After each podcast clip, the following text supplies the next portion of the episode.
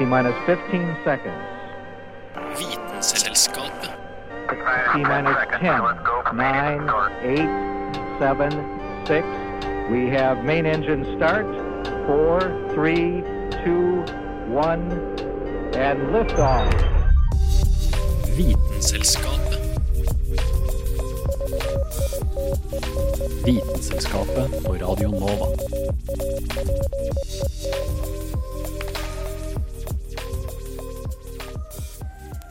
De kan spise opp hjernen vår, eller gjøre oss yngre. Eh, Noen klarer seg fint på egen hånd, og andre lever i et slags, eh, skal vi si, symbiotisk forhold med millionvis av andre.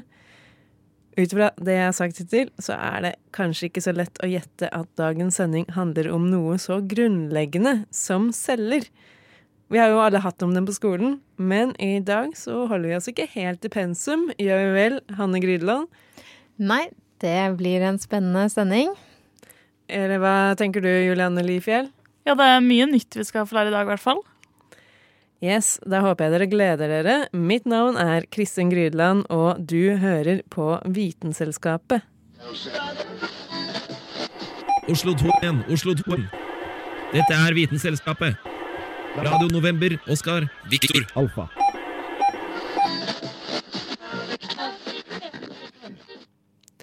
Vi begynner dette ballet med noen berømte celler, eller eh, altså berømte innen forskningsverden, da. Hvis man skal finne ut hvordan et medikament eller en type behandling fungerer, eller forstå hvordan en sykdom utvikler seg, så begynner man ofte å teste på celler og ikke på mennesker. Dette gjør man naturligvis for å unngå å gjøre mer skade enn nødvendig, for i begynnelsen så vet jo man ikke noe av effekten eller konsekvensene. Men for at man skal klare å repetere forsøkene og sammenligne resultatene fra andre, er det også nødvendig å ha mange identiske celler som kan leve i mange, mange år. Før i tiden var dette veldig vanskelig. For de fleste humane celler som ble tatt ut av kroppen ved å ta en celleprøve, døde bare etter noen få dager. Men dette endret seg i 1951. Cellebiologen George Gay ved John Hopkins hospital mottok da en merkelig celleprøve fra en pasient.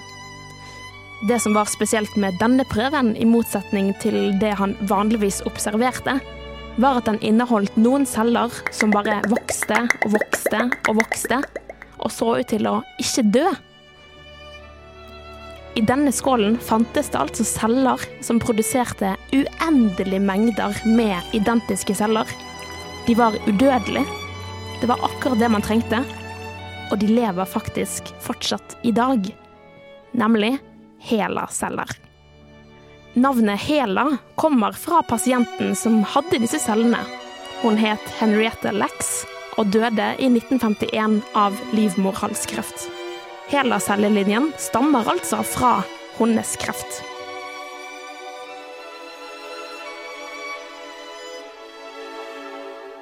Men hvordan kan egentlig noe være udødelig? Hva er det som er så spesielt med disse cellene? Man er ikke helt sikker på hvorfor akkurat HeLa-cellene er så spesielle. Men noe av svaret ligger i at de er kreftceller. Normale celler har innebygde kontrollmekanismer som gjør at de vil dø etter en bestemt tid. Dette her er jo veldig bra fordi det gjør at vi minimerer antall celler som har skade, og sånn at de ikke får lov til å formere seg eller leve videre. Men kreftceller har ikke disse kontrollmekanismene, og dette gjør at de kan vokse ukontrollert og ta over plassen til normale celler. Etter at George Gay fikk tak i cellene til Henriette Lex, så ble cellene sendt rundt til forskjellige labber over hele verden, og etter hvert ble det en stor business i tillegg. Faktisk så stort at det i dag er den mest brukte humane cellelinjen i forskning. Og fra starten til i dag så har disse cellene blitt med på utallige studier og gjort at man har kommet ekstremt langt innenfor vår forståelse av biologi. De ble brukt under utviklingen av den første poliovaksinen. De har også blitt brukt til å forstå veldig mange sykdommer, sånn som meslinger, hiv og kreft. De var også de første cellene som ble klonet. De har også vært med i oppdagelsen av at livmorhalskreft kan komme av en HPV-infeksjon. Og sist, men ikke minst, de har vært i verdensrommet.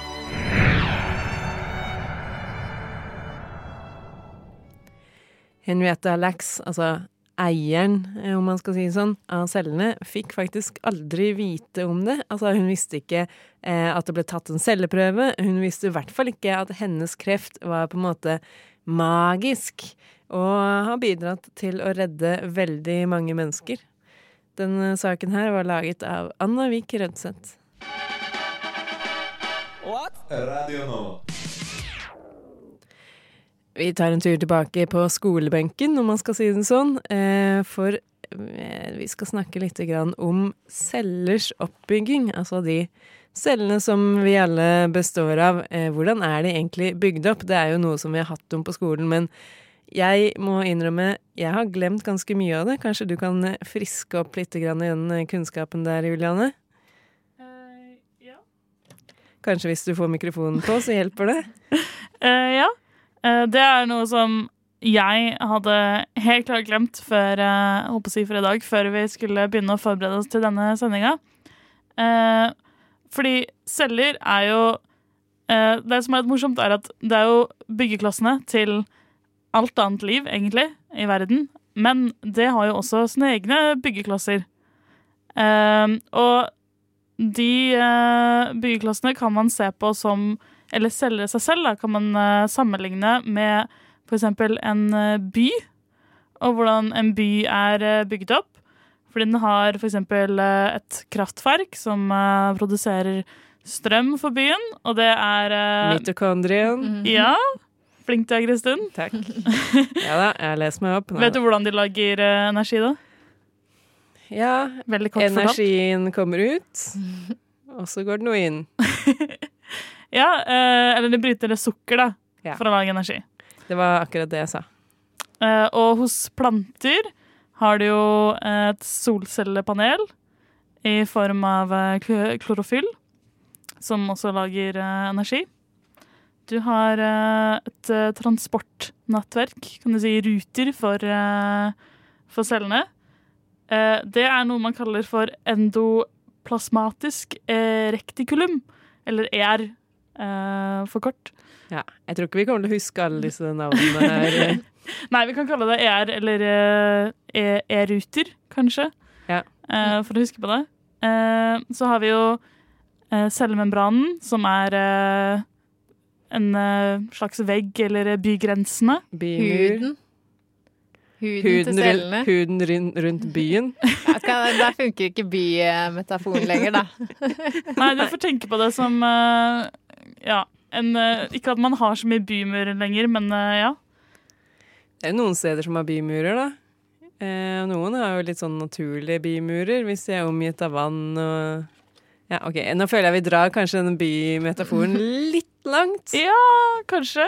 Eh, og så, for å i hvert fall få nevne det viktigste først, har du jo på en måte rådhuset i cellen, som så klart er cellekjernen, som eh, bestemmer over eh, alt annet som skjer rundt i cellene. Eh, hva Ja. eh, lager proteiner og den slags. Og så har du kromosom, kromosomene, eh, som er på en måte arkivet til cellene som eh, beholder viktig informasjon. Biblioteket? Ja, biblioteket. Og har de også fått sånn nytt hovedbibliotek? Eh, kanskje i de nye, nye cellene. Eh, og så kopierer de også eh, Kromosomene kopierer jo materialene når man lager nye celler. Eh, sånn, ja. Er det cell cellenes kopimaskin? Eh, og så har du ribosomene, som er bygningsarbeiderne. Som bygger ut cellene. Eh, og så vet man hva det, hva det gjør. Eh, og så har du en egen kolonial for cellene, vil jeg si. En butikk? Eh, ja, eller en matleveranse. Som er eh, lysosomene. Har de eget pengesystem og sånt, sånn at de får kjøpt noe på butikken? da? Eh, jeg tror, eh, tror cellene er litt mer eh, kommunistiske. ikke, noe, eh, ikke noe kapitalisme her, Kristin. Alle gjør den jobben som de egner seg best til. Ja. Alle har sine oppgaver, og da funker cellene egentlig veldig bra. Men eh, forresten, vet dere hva som er den største og den minste cellen i eh, menneskekroppen? Eh, sånn én celle som er stor? Eller nei, ja, altså en som er den største, og en som er den minste. da. OK. Eh, jeg tror den største er en eh, en fettcelle. jeg vet ikke hvorfor. Eh, og den minste er en hudcelle. Nei, den største er faktisk en eggcelle, og den minste er en spermcelle.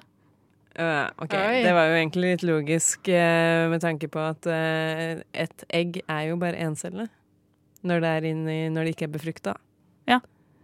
Egentlig.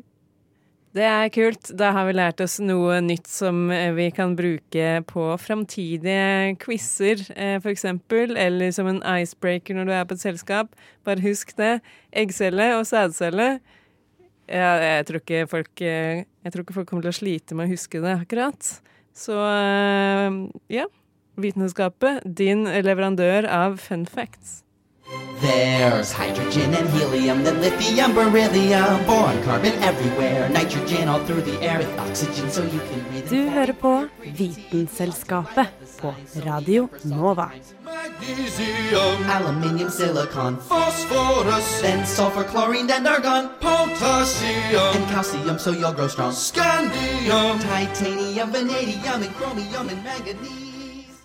Altså, apropos store encella ting. Eh, neste saken vi skal høre, er det Carl Amskam som har lagd, og den handler om encella versus flercella.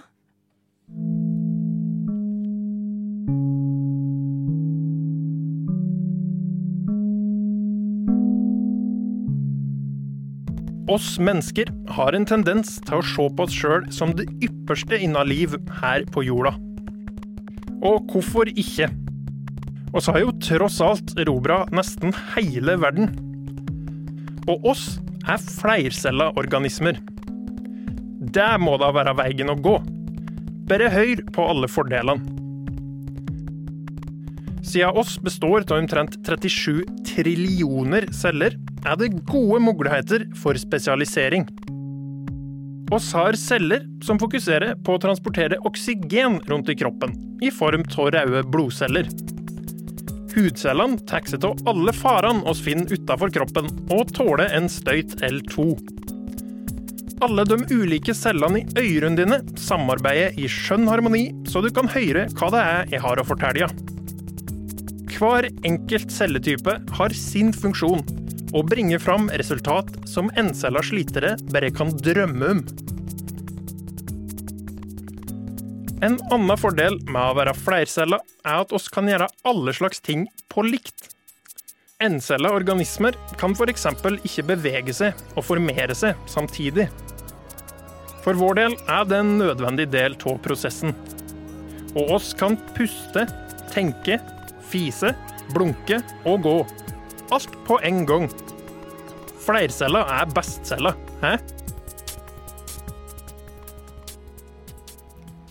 Hvorfor da finnes disse ubrukelige encella stakkarene? Noe må de da ha ved seg. Den største fordelen encella-organismer har, må være farten de klarer å formere seg i. Mens oss bruker 20 år før oss får pumpa ut en etterkommer eller tre, bruker visse typer bakterier bare 20 minutter. Innen livet til ei bakterie er umme, kan stå bak to millioner nye bakterier. Det uttanker sjøl den ivrigste polygamist. Å kunne formere seg i den farten er ikke bare en fordel i seg sjøl. Det er i all hovedsak mellom generasjoner at livet utvikler seg. Evolusjonen betinger reproduksjon. Og med flere generasjoner er det flere sjanser for endring. Et vesentlig eksempel av konsekvensene er at vi sliter med antibiotikaresistente bakterier. Det fins flere grunner til å være encella, Når den er så liten, kan den trenge seg inn nesten hvor som helst, f.eks. inn i menneskekroppen. I tillegg er det mye mindre skummelt med ei flodbølge om du er liten nok til å bare flyte med strømmen uten noe problem. En kan altså ikke fastslå at den ene type organisme er bedre enn den andre. Og så har alle vår plass her i verden, eller vår nisje, som en evolusjonsbiolog ville sagt. En eller mange, hver til sitt bruk. Men jeg må få si at jeg er veldig glad for at jeg er flercella. Ja, jeg tror det er eh, flere her i dette rommet i hvert fall som også er glade for at de er flercella. Eh, og særlig siden det er ikke alle de encella organismene som er like hyggelige, skal vi, skal vi si det sånn. Eh, du har jo lest deg opp på en som er rett og slett ganske kjip, Hanne. Ja, og husker dere Det har kanskje gått litt av moten, men det å kalle noen en amøbe du Det tror er jeg jo gikk- helt amøbe, eller? Det gikk av moten på 80-tallet eller noe sånt nå. Uh, ja, det, så gammel er jeg ikke. Eh, men amøber, de er jo encella organismer. Som, bare, som betyr at de egentlig bare er én stor celle. Flyter rundt helt uten noe vert. Eh, de er frie i naturen, i vann og i jord. Du får det til å høres så idyllisk ut. Ja, det er veldig idyllisk å være en amøbe. Du, du slipper sikkert å tenke på meningen med livet. Eh, men Eller tenke i det hele tatt. Tenke i det hele tatt. Eh, de gjør nok bare det de er skapt for. Eh, og de fleste amøber er eh, ikke skadelige for mennesker. De lever i naturen, og de har ikke De lever i oss, i tarmkanalen vår og alt mulig, uten at vi tar så veldig skade av det. Men så er det noen amøber som kan være dødelige for oss mennesker. Eh, og blant annet en eh, amøbe som heter Nagleria fowleri. Det var ikke det du sa den het i stad? Nei, eh, dette var jo det vitenskapelige navnet. Det mer populærvitenskapelige som vi driver med her i Vitenselskapet, er jo den hjernespisende amøben. Den hjernespisende amøben. Kan vi ikke kalle det zombie-amøbe? Eh, jo, eller egentlig, den er jo ikke det, for den tar ikke over verten, på en måte, men den eh, den, Spiser hjerner. Men den går ut og sier brains. Ja, Jeg den, spiser vilt. brains. Ja. Den spiser hjerner. Ja, den Er spiser hjerner. Den spiser menneskehjerner. eneste funksjon? Uh, ja, altså jeg vet ikke helt hvorfor den er til, eller hvilken funksjon den har i naturen, men i vill tilstand så pleier den å ligge på bunnen av innsjøer i dvale. Og når innsjøene blir varme, altså over 25 grader, så begynner de å stige oppover til overflaten. Og det er da den eh, begynner å, å skape trøbbel. Det her er dårlig nytt for eh, oss som eh, ikke liker å bade i kaldt vann. Fins den i Norge, da? Eh, den finnes ikke i Norge, Juliane. Ja.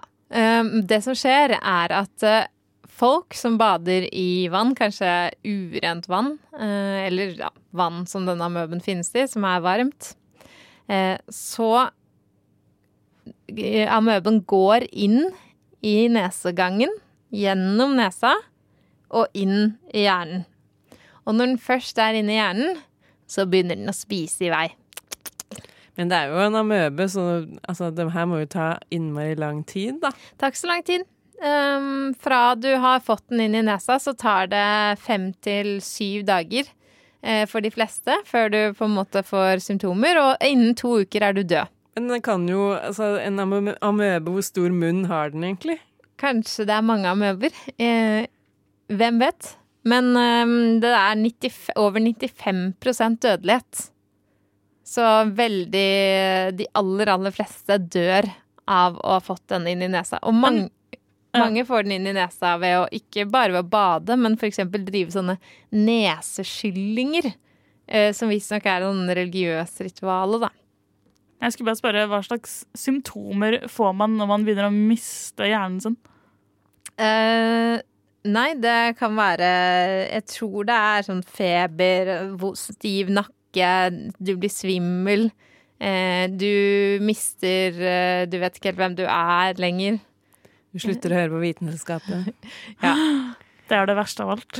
Da veit du at det ikke er noen vei tilbake. Det er heldigvis eh, Som sagt, det fins ikke i Norge. Det fins heller ikke i saltvann. Eh, der de tror det er flest tilfeller, er i Pakistan. Eh, men der er det mye underrapportering, for det er mange som ikke, helt, som ikke vet hva det er. Eh, men sånn som i 2012 så var det 44 mennesker som døde i Pakistan av det. Oi. Kanskje Kanskje man må begynne å bade med sånn neseklype? Kanskje det kan være noe? Kanskje det blir en greie. Eller bare ja, sånne propper til å putte oppi nesa. Man kan også få det fra bassenger som ikke har klor. Altså uklorte bassenger. Så det er også viktig, da. Man klorer. Ja, det er tydelig at ikke alle celler er like vennlige. Vi får håpe at vi klarer å styre unna disse hjernespisende amøbene. Oh, It's fun. I mean, the natural world is just fun. Du hører på Vitenselskapet på Radio Nova. What more do you want?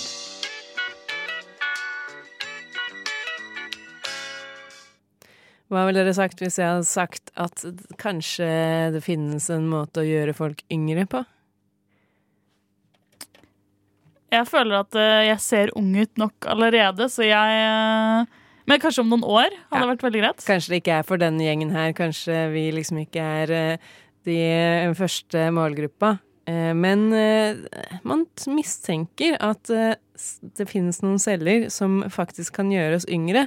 Altså stamceller, dere har jo sikkert hørt om det før. Eh, Men eh, om de kan det eller ikke, det er litt uklart. Men svaret får vi kanskje fra såpass rare steder som mus og blekkspruter. Da filosof, biolog og amatørdykker Peter Godfrey Smith var med scubaen utenfor kysten av Australia, ble han kjent med kjempestillehavsblekkspruten og dens fascinerende levesett. Stillehavsblekkspruten er i tillegg til andre spektakulære ting, som å kunne endre farge, vandre på to tentakler, sprute blekk, gli inn i bakgrunnen med imponerende kamuflasje, også kjent for å være svært intelligent. Den kan kjenne igjen enkeltindivider, bruke redskap og huske det som har skjedd den, for å lære nye, komplekse ting. Det er bare én merkelig ting. Den blir bare to-tre år gammel.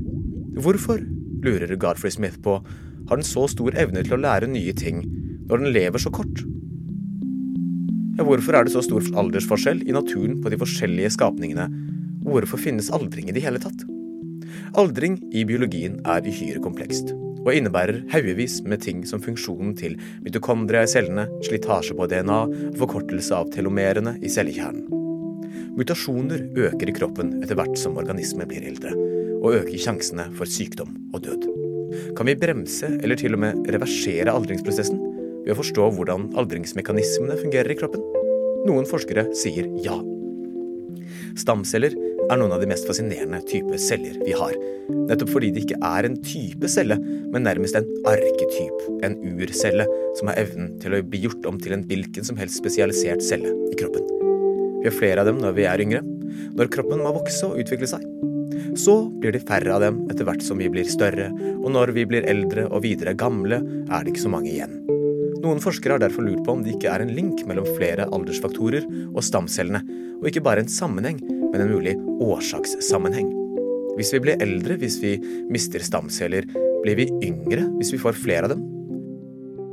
Problemet er at vi ikke bare kan lage nye stamceller spontant i kroppen. De må komme utenfra. Nå har noen forskere nettopp gjort det.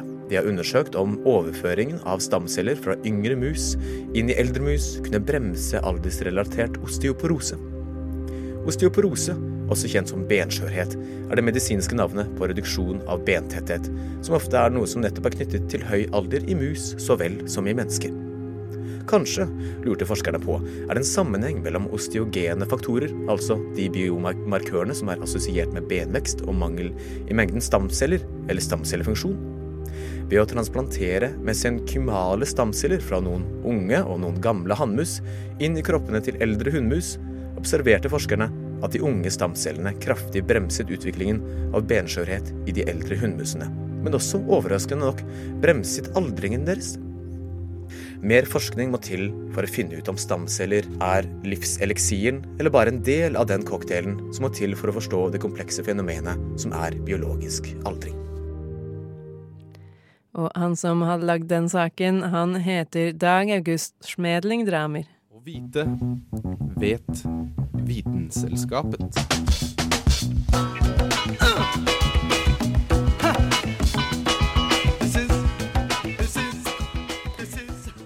Det er ikke så mange byer her i landet som er på en måte blitt berømt for eh, måten den lukter på. Men eh, Moss er jo det. Nå lukter den jo ikke lenger, da. Men det var en gang i tida hvor den hadde en helt distinkt eh, lukt. Og da veit kanskje de fleste her hva det er vi skal bort på nå. Ja, nå, dette er en sending som, dreier, som handler om celler. Og da tenkte jeg å strekke den litt og snakke om cellulose. Naturlig nok. Naturlig nok. Eh, Navnet cellulose stammer jo faktisk fra et, eh, et gresk, eller et latinord, cellulosus, eh, som betyr full av celler. Så cellulose, det som vi lager papir av, det er Nei, det er ikke celler. Det er en kjemisk forbindelse. Et polysakkarid. Som alle planter eh, består av polysakkarid, eller cellulose. Eh, fordi planteveggene, altså plantenes celler, består av eh, cellulose i tillegg til et par andre stoffer som bidrar til å eh, stive opp planteveggene, da. Er det litt som bimurene rundt cellene til plantene? Om vi skal ta et lite tilbakeblikk på ja. det vi lærte tidligere i sendinga? Du kan kanskje si at det blir- som mursteinene i bymuren. Og så har du andre stoffer, eller blant annet noe som heter lignin, som utgjør eh, mørtelen mellom mursteinene, da. Eh, mosse, tilbake til mosselukta. Eh, mørtelen mellom mursteinene, altså ligninen, det er den som eh, Nei, det var ikke mosselukt, faktisk. Det er et annet bistoff som vi skal snakke om etterpå. Mosselukta kommer når vi prøver å fjerne den ligninen. Eh, fordi da må man bruke en metode som kaller sulfatmetoden. Eh, altså hvor det dannes um, organiske svovelforbindelser i forbindelse med at du prøver å liksom skille cellulosen fra alt det andre, uh, fra mørtelen, da. eh, Du prøver å hente ut det rene stoffet, og da skaper du mye sånn eh, vond lukt. Ja, eh, kort sagt. Men du har jo en annen metode som heter sulfittmetoden. Eh, hvor du bruker For det her blir veldig teknisk. ja, Du bruker noen andre kjemiske stoffer for å fjerne denne mørtelen, da. Um, og det lukter ikke så veldig mye, og da kan du også få et bistoff som heter vanilin. Som vanilje? Ja, du henter Og da er vi på det jeg snakket om i stad, med at dette ligninstoffet, altså denne mørtelen som ligger mellom eh, mursteinene, eller mellom cellulosen, eh, den kan du bruke til å lage vanilin, som gir vaniljesmak. Er det som vaniljesukker? Eh, nei, altså ja, det er jo kjemisk framstilt. Eh, men du får jo i vanlig vanilje, da, så er vanilin til stede som en smak. Men i tillegg så har du 100, over 100 andre eh, eh, forbindelser i ekte vanilje. Mens i vanilin så er det kun vanilin som er til stede. Så det jo, gjør jo smaken egentlig mye mindre kompleks, men du får jo denne sterke vaniljesmaken. Men det er vel eh, den eh, vaniljesmaken som vi er vant til å smake. Så det er på en måte det vi forbinder med vanilje. Ja, det kan godt hende. At vi, vanilje er jo verdens nest dyreste krydder etter eh, safran. Fordi den eh, vokser fra en sånn orkidébønne. Så du må drive og høste fra orkideer. Og vi vet jo hvor vanskelig det er å dyrke orkideer. Eh, Så derfor så er det kjempedyrt med ekte vanilje. Og man lager det da fra tre, fra cellulose, får man vanilin. Så hvis vi ikke hadde hatt eh, denne celluloseproduksjonen og lagd papir etc., så hadde vi ikke kjent De fleste her hadde ikke kjent den deilige smaken av vanilje.